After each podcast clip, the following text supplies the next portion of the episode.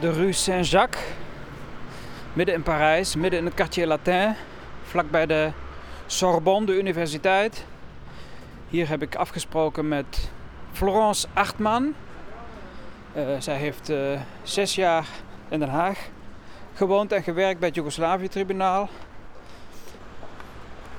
Op 27 oktober is ze opnieuw bij het tribunaal in Den Haag.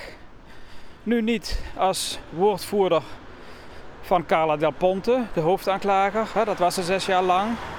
Um, ze komt nu terug omdat ze zelf is aangeklaagd.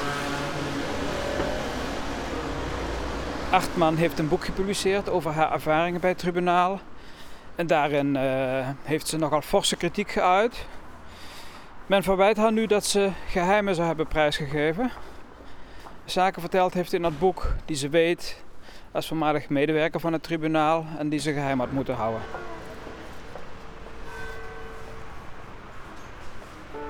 Ah, hier uh, ligt het. Hotel Relais Saint-Jacques. Hier hebben we afgesproken.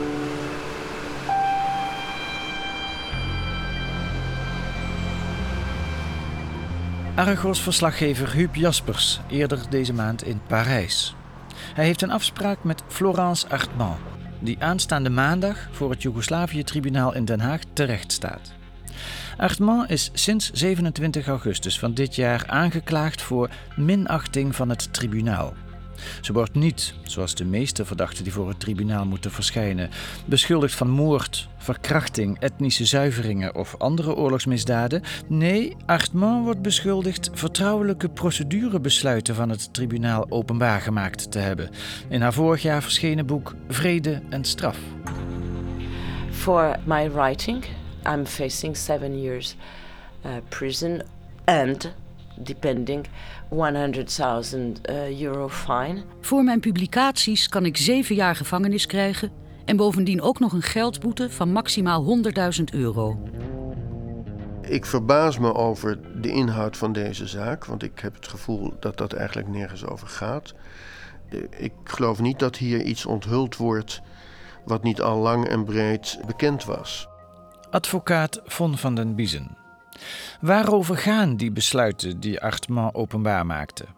Waarom worden hoger geplaatste ex-functionarissen van het Joegoslavië-tribunaal, die ook in het openbaar over deze besluiten hebben gesproken, niet vervolgd? Waarom wilde het tribunaal cruciaal bewijsmateriaal geheim houden? Waarom zwijgt de voormalige baas van Artman, ex-hoofdaanklager Carla Del Ponte, over deze kwestie? En wat drijft Florence Artman? All uh, what I'm doing is um, fighting to find the truth. Waar ik mee bezig ben, is vechten voor de waarheid. Een verhaal over een klokkenluider. Een gedreven Française die al meer dan 15 jaar op zoek is naar de ware achtergronden van de oorlog die medio jaren 90 in Bosnië heeft gewoed. En die daarvoor hard is aangepakt to be expelled by Milosevic. It's the recognition of uh, the work. Dat ik in der tijd Servië uitgegooid ben door Milosevic, beschouw ik als een erkenning van mijn werk. And maybe uh, to be indicted by the ICTY is also the recognition of my work. Misschien moet ik de aanklacht tegen mij door het Joegoslavië-tribunaal ook maar als een erkenning van mijn werk beschouwen. Argos over de zaak IT 0254 R77.5. De zaak van een speciaal benoemde kamer van het Joegoslavië-tribunaal tegen Florence Artman.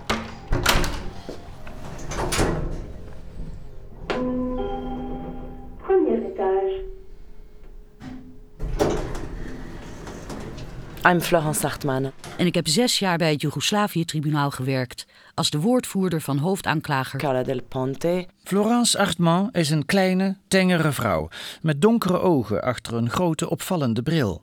Ze oogt kwetsbaar en tegelijk vastberaden en zelfbewust. Artman was niet alleen de woordvoerder van het gezicht van het Joegoslavië-tribunaal, Carla del Ponte, maar tevens haar politiek adviseur. Artman spreekt allerlei talen, maar ondanks haar verblijf van zes jaar in Den Haag geen Nederlands. En onze verslaggever spreekt slecht Frans. Vandaar dat het gesprek in het Engels wordt gevoerd. I've been uh, writing a lot about the criminal activities of Milosevic. Ik heb veel geschreven over de misdaden van de voormalige Servische president Slobodan Milosevic in Kroatië en Bosnië. And now I'm called by the tribunal to sit on the same chair. En nu word ik door het tribunaal opgeroepen om in dezelfde stoel te gaan zitten als die oorlogsmisdadiger. Which is absolutely for me uh, inconceivable. Dit is voor mij echt onbegrijpelijk. Florence Artman was van oktober 2000 tot oktober 2006 in dienst bij het Joegoslavië-tribunaal. Maar ze kwam al veel eerder bij dat tribunaal op bezoek. Ze herinnert zich nog heel goed de eerste keer. Dat was medio jaren 90. Artman werkte als journalist bij dagblad Le Monde en interviewde de toenmalige hoofdaanklager van het tribunaal, Richard Goldstone. I was the um, special envoy or the correspondent in the Balkans for Le Monde since uh, 89. Ik was sinds 1989 de Balkan-correspondent van Le Monde en berichtte over de politieke crisis in Joegoslavië Before the war started over there. voordat het land uit elkaar viel en de oorlogen begonnen. Ik ging niet naar de Balkan om oorlogscorrespondent te worden. But it happened that I became somehow a war correspondent. Maar door het verloop van de geschiedenis gebeurde het gewoon. Artman werd door het Joegoslavië-tribunaal in een zaak ook als getuige opgeroepen. Dit omdat ze in 1992 in Le Monde bericht had over een massagraf dat ze gevonden had bij het Kroatische stadje Vukovar na een aanval door Servische troepen. It was a war with real bullets, with real bodies. Ze had het graf met eigen ogen gezien, maar toch vond haar krant het nodig om bij haar eerste bericht erover het woord massagraf tussen aanhalingstekens te plaatsen. Want niemand wilde in die dagen geloven dat in Europa opnieuw een oorlog begonnen was. Het was een echte oorlog met echte kogels en echte lijken. And that was not a Hollywood uh, uh, scene, it was just reality. Het massagraf bij Vukovar was het eerste massagraf dat gevonden werd in een nieuwe oorlog in Europa. I didn't get the Pulitzer, I get only troubles. Maar ik kreeg er geen Pulitzerprijs voor. Ik kreeg er alleen maar gedonder door.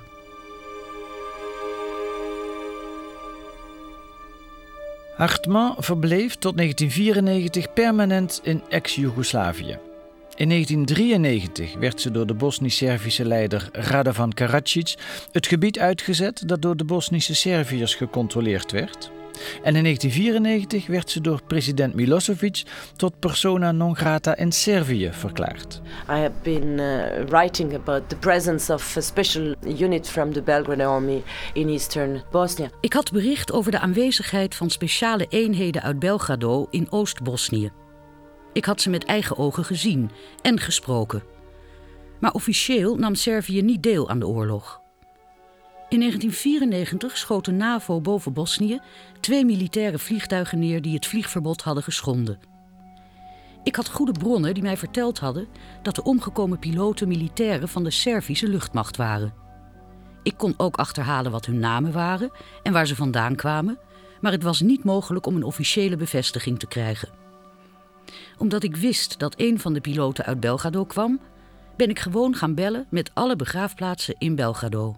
We start calling the cemetery in Belgrade without saying anything. Just when is the ceremony for that person? We vertelden er niet bij waarom we wilden weten wanneer de begrafenis precies was en kwamen al bij het derde telefoontje achter de plaats en de tijd.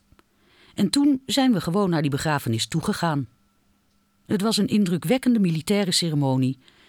Er waren militairen van de Servische luchtmacht, bussen vol met militairen van de Servische strijdkrachten in Kroatië en Bosnië, hoge vertegenwoordigers van verschillende krijgsmachtonderdelen in Servië, maar nergens in die hele ceremonie werd verteld wat er nu precies gebeurd was. Then we took the Pope and we asked him. And then he confirmed. Na afloop van de plechtigheid zijn we gewoon naar de priester toegegaan en hebben hem gevraagd: Is dit de piloot die is omgekomen bij die NAVO-aanval? Hij bevestigde dit en daarmee hadden we ons verhaal rond. Then we had the whole story, we wrote it, and I was expelled from Belgrade a few weeks afterwards. Enkele weken na de publicatie besloot het regime van Milosevic dat ik Servië niet meer in mocht. To be expelled by Milosevic, it's the recognition of uh, the work, and maybe uh, to be indicted by the ICTY is also the recognition of my work. Dat ik indertijd Servië uitgegooid ben door Milosevic, beschouw ik als een erkenning van mijn werk. Misschien moet ik de aanklacht tegen mij door het Joegoslavië-tribunaal ook maar als een erkenning van mijn werk beschouwen.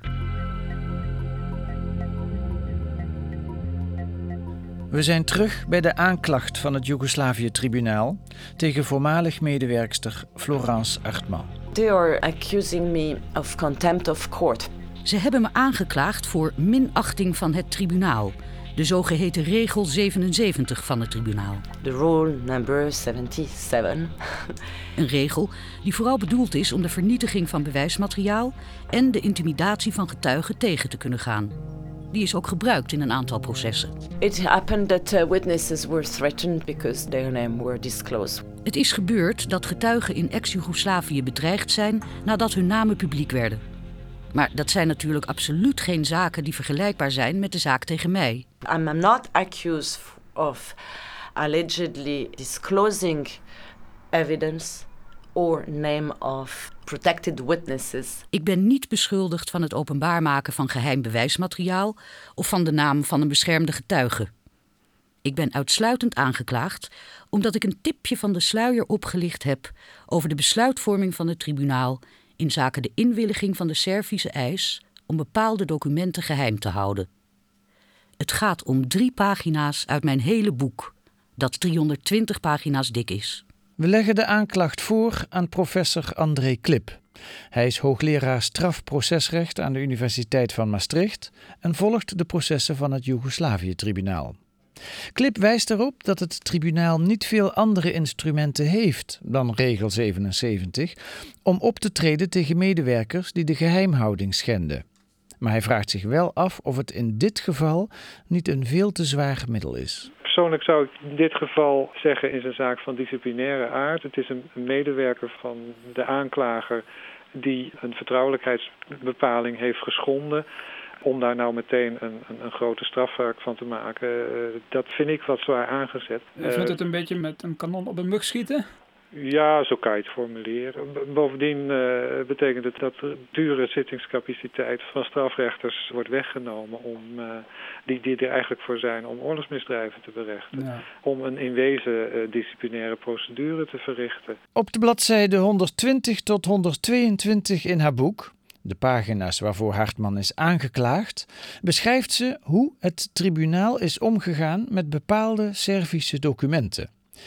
Servië had, na lang onderhandelen, die documenten wel ter inzage gegeven aan het Joegoslavië-tribunaal, maar eiste dat het tribunaal de inhoud geheim zou houden.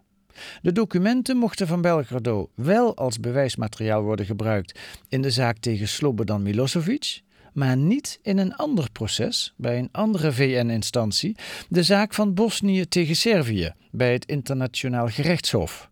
Een zaak waarbij een Nederlandse advocaat betrokken was. Ik ben Von van den Biesen, advocaat uh, in Amsterdam.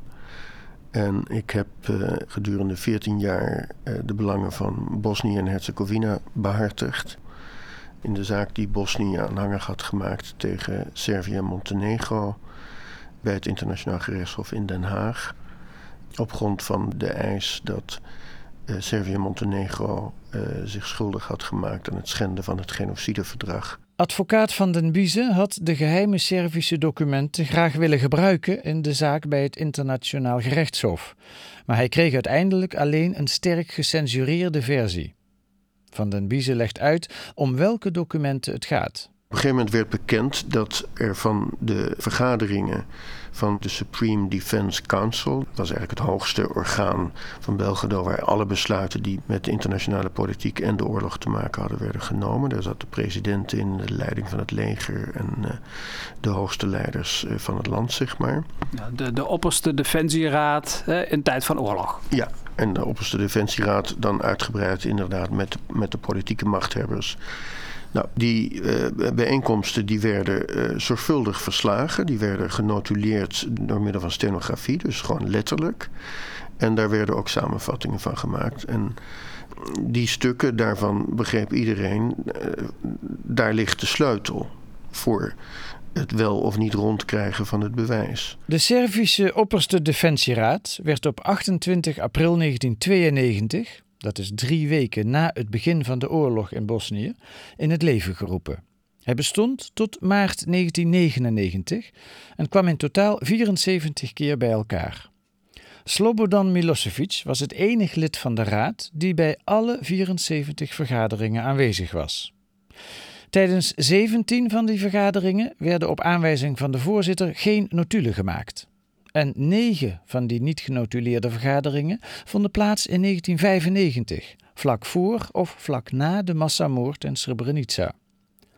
Voor Van den Biesen waren ook de sterk gecensureerde notulen al veelzeggend. Daar kon je toch wel uit afleiden dat in die opperste defensieraad de oorlog in Bosnië uitvoerig van voor naar achter, van boven naar beneden aan de orde kwam. dat ging over personele zaken en het ging over materiële zaken. Maar wat er dan precies werd gezegd, ja, dat wisten we dan weer niet. Dat was natuurlijk voor de Serviërs de reden om het te willen zwart maken. Want dat was ook niet de bedoeling dat we dat wisten. Maar dat was voor ons wel aanleiding om te denken dat daar de sleutel toch wel zou kunnen liggen. Wij hebben natuurlijk eh, in de eerste plaats toen we begonnen dit te onderzoeken gekeken rond Srebrenica, juli 95. Uh, eh, hebben ze toen vergaderd en wat is er toen besproken? Nou, de eerste vergadering was van 29 juli 1995. Dus dat was twee weken nadat die grote moordpartij had plaatsgevonden. En dat stuk is bijna 95% zwart gemaakt. En ja, dat zegt wat ons betreft wel iets. Want dat kan alleen maar daarover gegaan zijn. En dan kennelijk op een manier dat daar betrokkenheid van Belgrado uit zou blijken. Er waren nog meer vergaderingen in die periode. In augustus zijn er ook nog een aantal geweest. Een daarvan was Mladic bij aanwezig. Wat natuurlijk toch ook een opmerkelijk feit was. Maar ook die vergaderingen waren voor een deel zelfs niet stenografisch verslagen. Dat waren alleen maar een soort van besluitenlijstjes die vervolgens dan ook weer zwart gemaakt waren. Ja, ja, dus Mladic die was aanwezig bij die vergadering in Belgrado van de hoogste defensieraad van Servië. Terwijl Mladic eigenlijk de opperbevelhebber was van de Bosnisch-Servische strijdkrachten. Die vielen onder Karadzic, hè, de leider van de Bosnische Serviërs. Uh, vlakbij Sarajevo zat hij. Maar die Mladic die nam ook deel aan die vergadering in Servië. Ja, nou was het ook wel al bekend dat Mladic eigenlijk gedurende de hele oorlog wekelijks in Belgrado op bezoek ging. Maar dit was natuurlijk wel een heel mooi bewijs. En wij waren natuurlijk ook wel heel erg nieuwsgierig naar wat hij dan te zeggen had. En wat zij dan allemaal met elkaar bespraken in augustus 95. Maar ja, dat kun je dus ook niet lezen, want dat is ook zwart gemaakt. Ja, want uiteindelijk, hè, de achterliggende grote kwestie is natuurlijk toch als we het hebben over Srebrenica, die verovering van die enclave, die massamoord op, op meer dan 7000 mannen daar, was Belgrado daar nou voor verantwoordelijk voor wat er gebeurde? Dus dat is eigenlijk de kernvraag. Ja, dat was voor ons natuurlijk een hele belangrijke vraag omdat Srebrenica ook in onze ogen het duidelijkste voorbeeld van genocide was. En als we daar rechtstreeks of, of medeverantwoordelijkheid voor Belgrado voor zouden kunnen bewijzen, dan zouden wij met onze zaak natuurlijk echt behoorlijk uh, gescoord hebben. En dan zou daarmee ook behoorlijk wat recht gedaan zijn aan de Bosnische bevolking. Maar ja, de sleutel die waarschijnlijk toch wel in die documenten te vinden was, daar hebben we nooit toegang toe kunnen krijgen. Bij de zaak voor het Internationaal Gerechtshof ging het uiteindelijk ook om schadevergoeding. Een concreet bedrag is door Bosnië nooit geclaimd, maar Van den Biezen weet dat het om een miljardenbedrag zou zijn gegaan. Zover is het echter nooit gekomen, omdat het Internationaal Gerechtshof in zijn vonnis van 26 februari 2007 oordeelde dat niet bewezen was dat Belgrado direct en in actieve zin verantwoordelijk was voor de genocide in onder Srebrenica. Volgens Van den Biezen had die directe verantwoordelijkheid van Belgrado waarschijnlijk wel kunnen worden aangetoond als de geheime notulen van de Servische Defensieraad in deze zaak volledig hadden kunnen worden gebruikt. Maar het Joegoslavië-tribunaal had aan Servië geheimhouding toegezegd en stelde de documenten niet beschikbaar aan het Hof.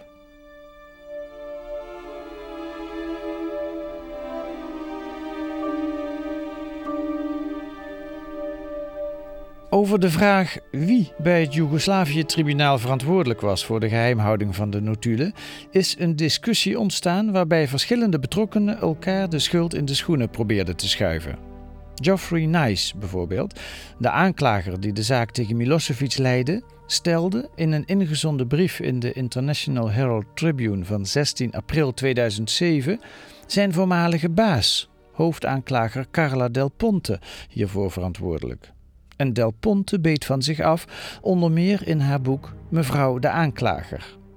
Ook Florence Artman roerde zich in deze discussie. En de pagina's in haar boek waarin ze dat doet, zijn nu precies de pagina's waarop de aanklacht tegen haar, wegens minachting van het tribunaal, is gebaseerd. De hoofdaanklager Del Ponte die heeft op een gegeven moment een brief geschreven naar de autoriteit in Belgrado. Oké, ik stem ermee in dat u stukken van die documenten uh, zwart maakt, weglaat. Maar het moet niet te gek worden. Dat is eh, even in mijn woorden samengevat de strekking van die brief. En op een gegeven moment is daar toch bij het tribunaal door het Openbaar Ministerie, door de aanklager, een poging ondernomen om de effecten van uh, die deal te verzachten. En er is toen gezegd tegen het tribunaal: van ja, maar dit gaat natuurlijk een beetje te ver. Alsnog moeten die documenten integraal voor het publiek toegankelijk worden. In belang van de waarheidsvinding, de, nou, noem maar op. En dat is niet één keer aan de orde geweest, maar er zijn een aantal keren dat, dat, het tribunaal daarover moest beslissen, zowel in eerste instantie als in hoger beroep. En in die beslissingen heeft het tribunaal uiteindelijk steeds gezegd: nee, we gaan dat niet toestaan dat die documenten algemeen bekend worden.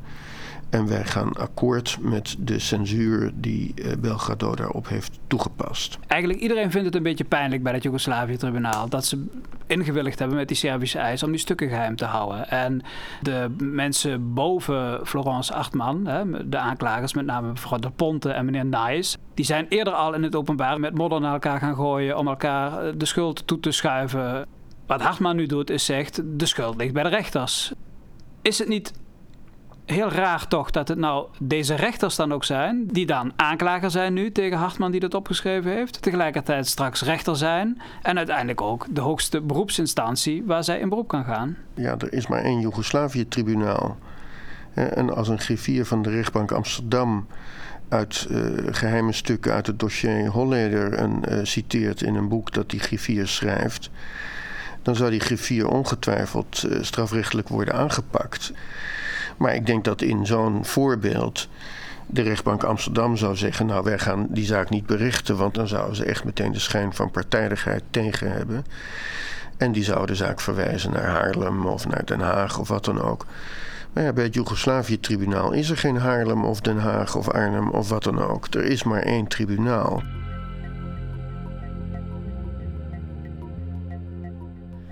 I uh, hear that I will be indicted on the 27th of um, August after the press. I've been informed by the press because the tribunal did not inform me. Ik hoorde op 27 augustus dat ik was aangeklaagd. Ik hoorde dit niet van het tribunaal zelf, maar via een journalist die mij vroeg wat mijn reactie op de aanklacht was. Artman hoorde dus van de aanklacht via de media. Ze was al wel een aantal weken op de hoogte van het feit dat er een onderzoek tegen haar was gestart. In juni werd ze urenlang als verdachte verhoord. En dat was in meerdere opzichten een onprettige ervaring, zo vertelt ze. I was interviewed by someone who doesn't understand French. Who had no translator. Ik werd verhoord door iemand die geen Frans verstaat en er was geen tolk bij aanwezig. De aanklacht tegen Artman heeft ook nog andere nare kanten. Artman werkt sinds haar vertrek in oktober 2006 freelance en doet tijdelijke klussen. Zo was ze onlangs nog als waarnemer van de OVSE voor de parlementsverkiezingen in Wit-Rusland. Maar nu ze in staat van beschuldiging is gesteld, is het moeilijk voor haar om opdrachten te krijgen. Because everybody is not uh, respecting the uh, presumption of innocence. Helaas respecteert niet iedereen het principe dat ik onschuldig ben totdat mijn schuld is bewezen, zegt Artman enigszins verbitterd. During the interview as suspect, it was clear that they were looking for the elements for which I'm indicted now, but clear also that they were looking for other things. Tijdens het verhoor van Artman kwamen de passages uit haar boek Vrede en Straf ter sprake, waarvoor ze is aangeklaagd. Maar er kwamen ook andere passages uit dit boek ter sprake. Een boek dat reeds in september 2007 verscheen. Argos interviewde Artman enkele dagen na de verschijning van haar boek. En daarbij nam ze geen blad voor de mond en schuwde ze ook niet om man en paard te noemen. I'm speaking especially about the US, the UK and France. Ik heb het met name over de Verenigde Staten, Engeland en Frankrijk, zei Artman in onze uitzending van 14 september 2007. Officieel maakten deze landen al sinds medio jaren 90 jacht op de hoofdverantwoordelijke voor de massamoord van Srebrenica, Radko Mladic en Radovan Karadzic. Artman gebruikt een groot deel van haar boek om aan te tonen dat de werkelijkheid haaks staat op de mooie woorden en beloften. In werkelijkheid hebben de grote mogendheden, volgens Artman, juist van alles gedaan om het oppakken van die twee wegens oorlogsmisdaden gezochte verdachten tegen te houden. In het Argos-interview van een jaar geleden verwoordde Artman dit als volgt. They have been not only missing few opportunities to arrest Karadzic and Mladic, but they had a coherent policy not to arrest them. They were opposed to their arrest.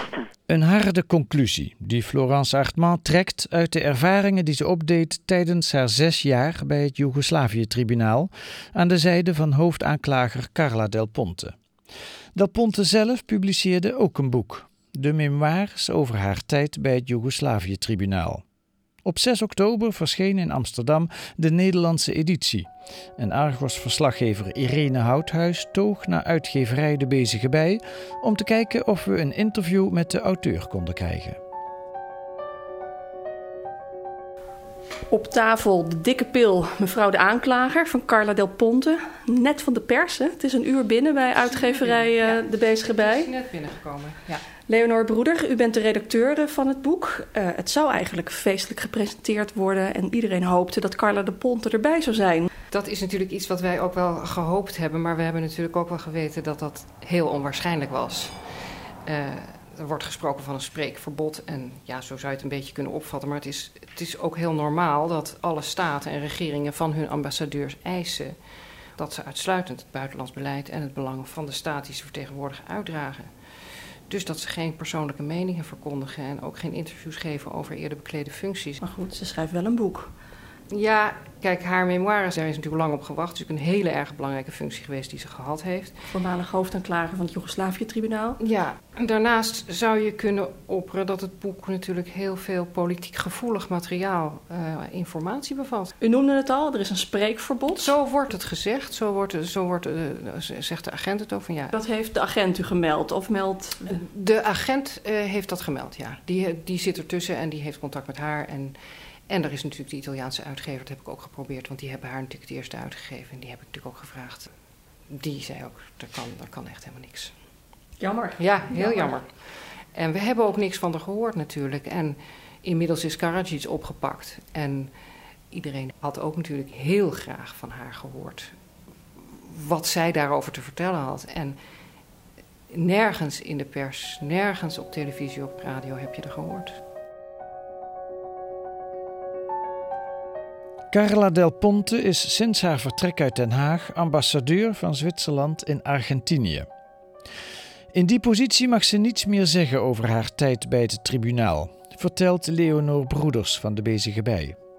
Toch willen we nog een poging wagen en aan Del Ponte persoonlijk vragen wat ze vindt van de aanklacht tegen haar voormalig woordvoerder Florence Artman. Argos-redacteur Huub Jaspers stuurt een e-mail en krijgt enkele dagen later een antwoord dat even kort als helder is. Geachte heer Jaspers, dank voor uw bericht, maar het is mij als ambassadeur niet toegestaan hier iets over te zeggen. Dit geldt niet alleen voor mijn boek, maar voor alles wat te maken heeft met mijn vorige functie als hoofdaanklager van het Joegoslavië-tribunaal. Met mijn beste wensen en groeten, Carla Del Ponte. Del Ponte mag niet meer spreken. Hoewel zij in haar boek niet zo openhartig is als Artman, is ook bij Del Ponte stevige kritiek te vinden op de grote westerse mogendheden. Zo begint het boek met de beschrijving van een ontmoeting die Del Ponte in september 2000 had met George Tenet, de toenmalige chef van de Amerikaanse geheime dienst, de CIA. Tenet was vriendelijk en deed allerlei beloften. Del Ponte, die de hulp van de CIA nodig had bij de opsporing van voortvluchtige oorlogsmisdadigers, was opgetogen. Maar, zo schrijft ze een bladzijde verder. Ik had beter moeten weten. Ik rekende erop dat Tennet zijn woorden in daden zou omzetten. Ik ging er niet van uit dat hij bezig was iets op te richten wat wij in het Italiaans de muro di gomma noemen, de muur van rubber. De afwijzing die zo verpakt is dat ze er niet uitziet als een afwijzing. Terug naar de aanklacht tegen Florence Artman.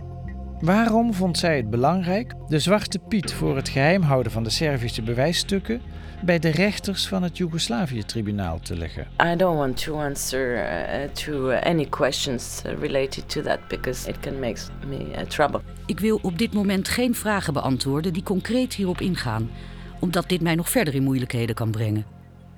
Ik heb tijdens mijn verhoor te horen gekregen dat het onderzoek confidentieel is en ik heb nog niet kunnen overleggen met mijn advocaat omdat ik net pas terug ben uit Wit-Rusland. As an accused, everything I can say can be used against me. Artman wijst erop dat zij een verdachte is en dat alles wat ze zegt tegen haar gebruikt kan worden. Wel wil ze de vraag opwerpen of de rechters van het Joegoslavië-tribunaal in deze zaak wel de vereiste onafhankelijkheid hebben. The judges are declaring themselves the offended part. They have initiated the charges against me. They are judging me. De rechters van het tribunaal hebben zichzelf tot de partij verklaard die door mijn boek benadeeld wordt. Zij hebben de aanklacht tegen mij geïnitieerd en zijn tegelijk de rechters die het oordeel moeten vellen of ik schuldig ben. En daarnaast zijn ze ook nog eens de instantie die in een mogelijk hoger beroep het eindvonnis moet vellen. Dat is toch compleet absurd? Then the situation is completely absurd. In haar boek besteedt Artman zo'n 70 pagina's aan de bewijsvoering dat de grote westerse mogendheden de afgelopen jaren Karadzic en Mladic keer op keer bewust lieten ontsnappen. Maar waarom gebeurde dit? Artman is ervan overtuigd dat de grote mogendheden bang waren dat door de processen tegen Karadzic en Mladic aan het licht zou kunnen komen dat Washington, Londen en Parijs de verovering van Srebrenica in 1995 bewust hebben laten gebeuren om een vredesregeling voor Bosnië mogelijk te maken. They knew what will happen. Ze zagen de aanval op Srebrenica van tevoren aankomen en ze hadden ook aanwijzingen dat de bevolking het slachtoffer van grootschalige moordpartijen zou kunnen worden. Om hun eigen rol en voorkennis verborgen te houden, verstrekten de westerse mogendheden ook lang niet alle bewijsmateriaal dat ze, bijvoorbeeld via hun inlichtingendiensten, verzameld hadden. En waar het Joegoslavië-tribunaal telkens weer om vroeg. They had intelligence, but they were just not giving it. Ze hadden de gevraagde inlichtingen wel degelijk, maar ze verstrekten ze gewoon niet aan het tribunaal. En vervolgens zeiden ze, om te rechtvaardigen dat ze geen bewijsmateriaal overhandigden, dat ze geen inlichtingen hadden. Maar dat is gewoon niet waar. It's just not true. Maar er is, volgens Artman, ook nog een andere reden waarom de westerse mogendheden bewijzen achterhielden. Many Western states were reluctant to bring evidence. Veel westerse landen weigerden bewijsmateriaal te verstrekken, omdat ze juist met medewerking van Milosevic een einde aan de oorlog hadden weten te maken. Milosevic was eind 1995, in tegenstelling tot Karadzic en Mladic, een van de ondertekenaars van het vredesakkoord van Dayton. Milosevic was a peacemaker in 95. Milosevic werd in 1995 gepresenteerd als vredestichter. Men wilde daarom niet laten zien dat men reeds ten tijde van de oorlog genoeg bewijsmateriaal had dat Milosevic in werkelijkheid volop betrokken was bij de oorlog. Advocaat Von van den Biezen begrijpt dat het Joegoslavië-tribunaal medewerkers wijst op hun zwijgplicht. Maar van de aanklacht tegen Florence Artman begrijpt hij niet veel. In wezen zegt ze niet veel meer dan dat het tribunaal in twee instanties in een, een vertrouwelijke beslissing heeft beslist dat Servië gerechtigd was om die documenten te censureren. Ik geloof niet dat hier iets onthuld wordt wat niet al lang en breed bekend was. En ook als het niet bekend geweest zou zijn, dan denk ik nog van ja, wat staat er nou helemaal? Want het publieke debat over de geheimhouding van uh, die stukken, ja, dat is in alle hevigheid al gevoerd. En daar is iedereen bij aan de beurt gekomen. En iedereen heeft ook de schuld gekregen van een ander. Dus daar zit op zichzelf niks nieuws in. En dat het publieke debat gevoerd wordt, ja, dat is wel in het belang van de kwaliteit van de internationale rechtspleging. En uh, de rechtspleging moet ook tegen een stootje kunnen, wat mij betreft. Tot slot hoogleraar André Klip. Als het de tribunaal erom zou gaan om de informatie die zij prijsgeeft zoveel mogelijk onder de pet te houden, dan is dit het slechtste wat je kan doen.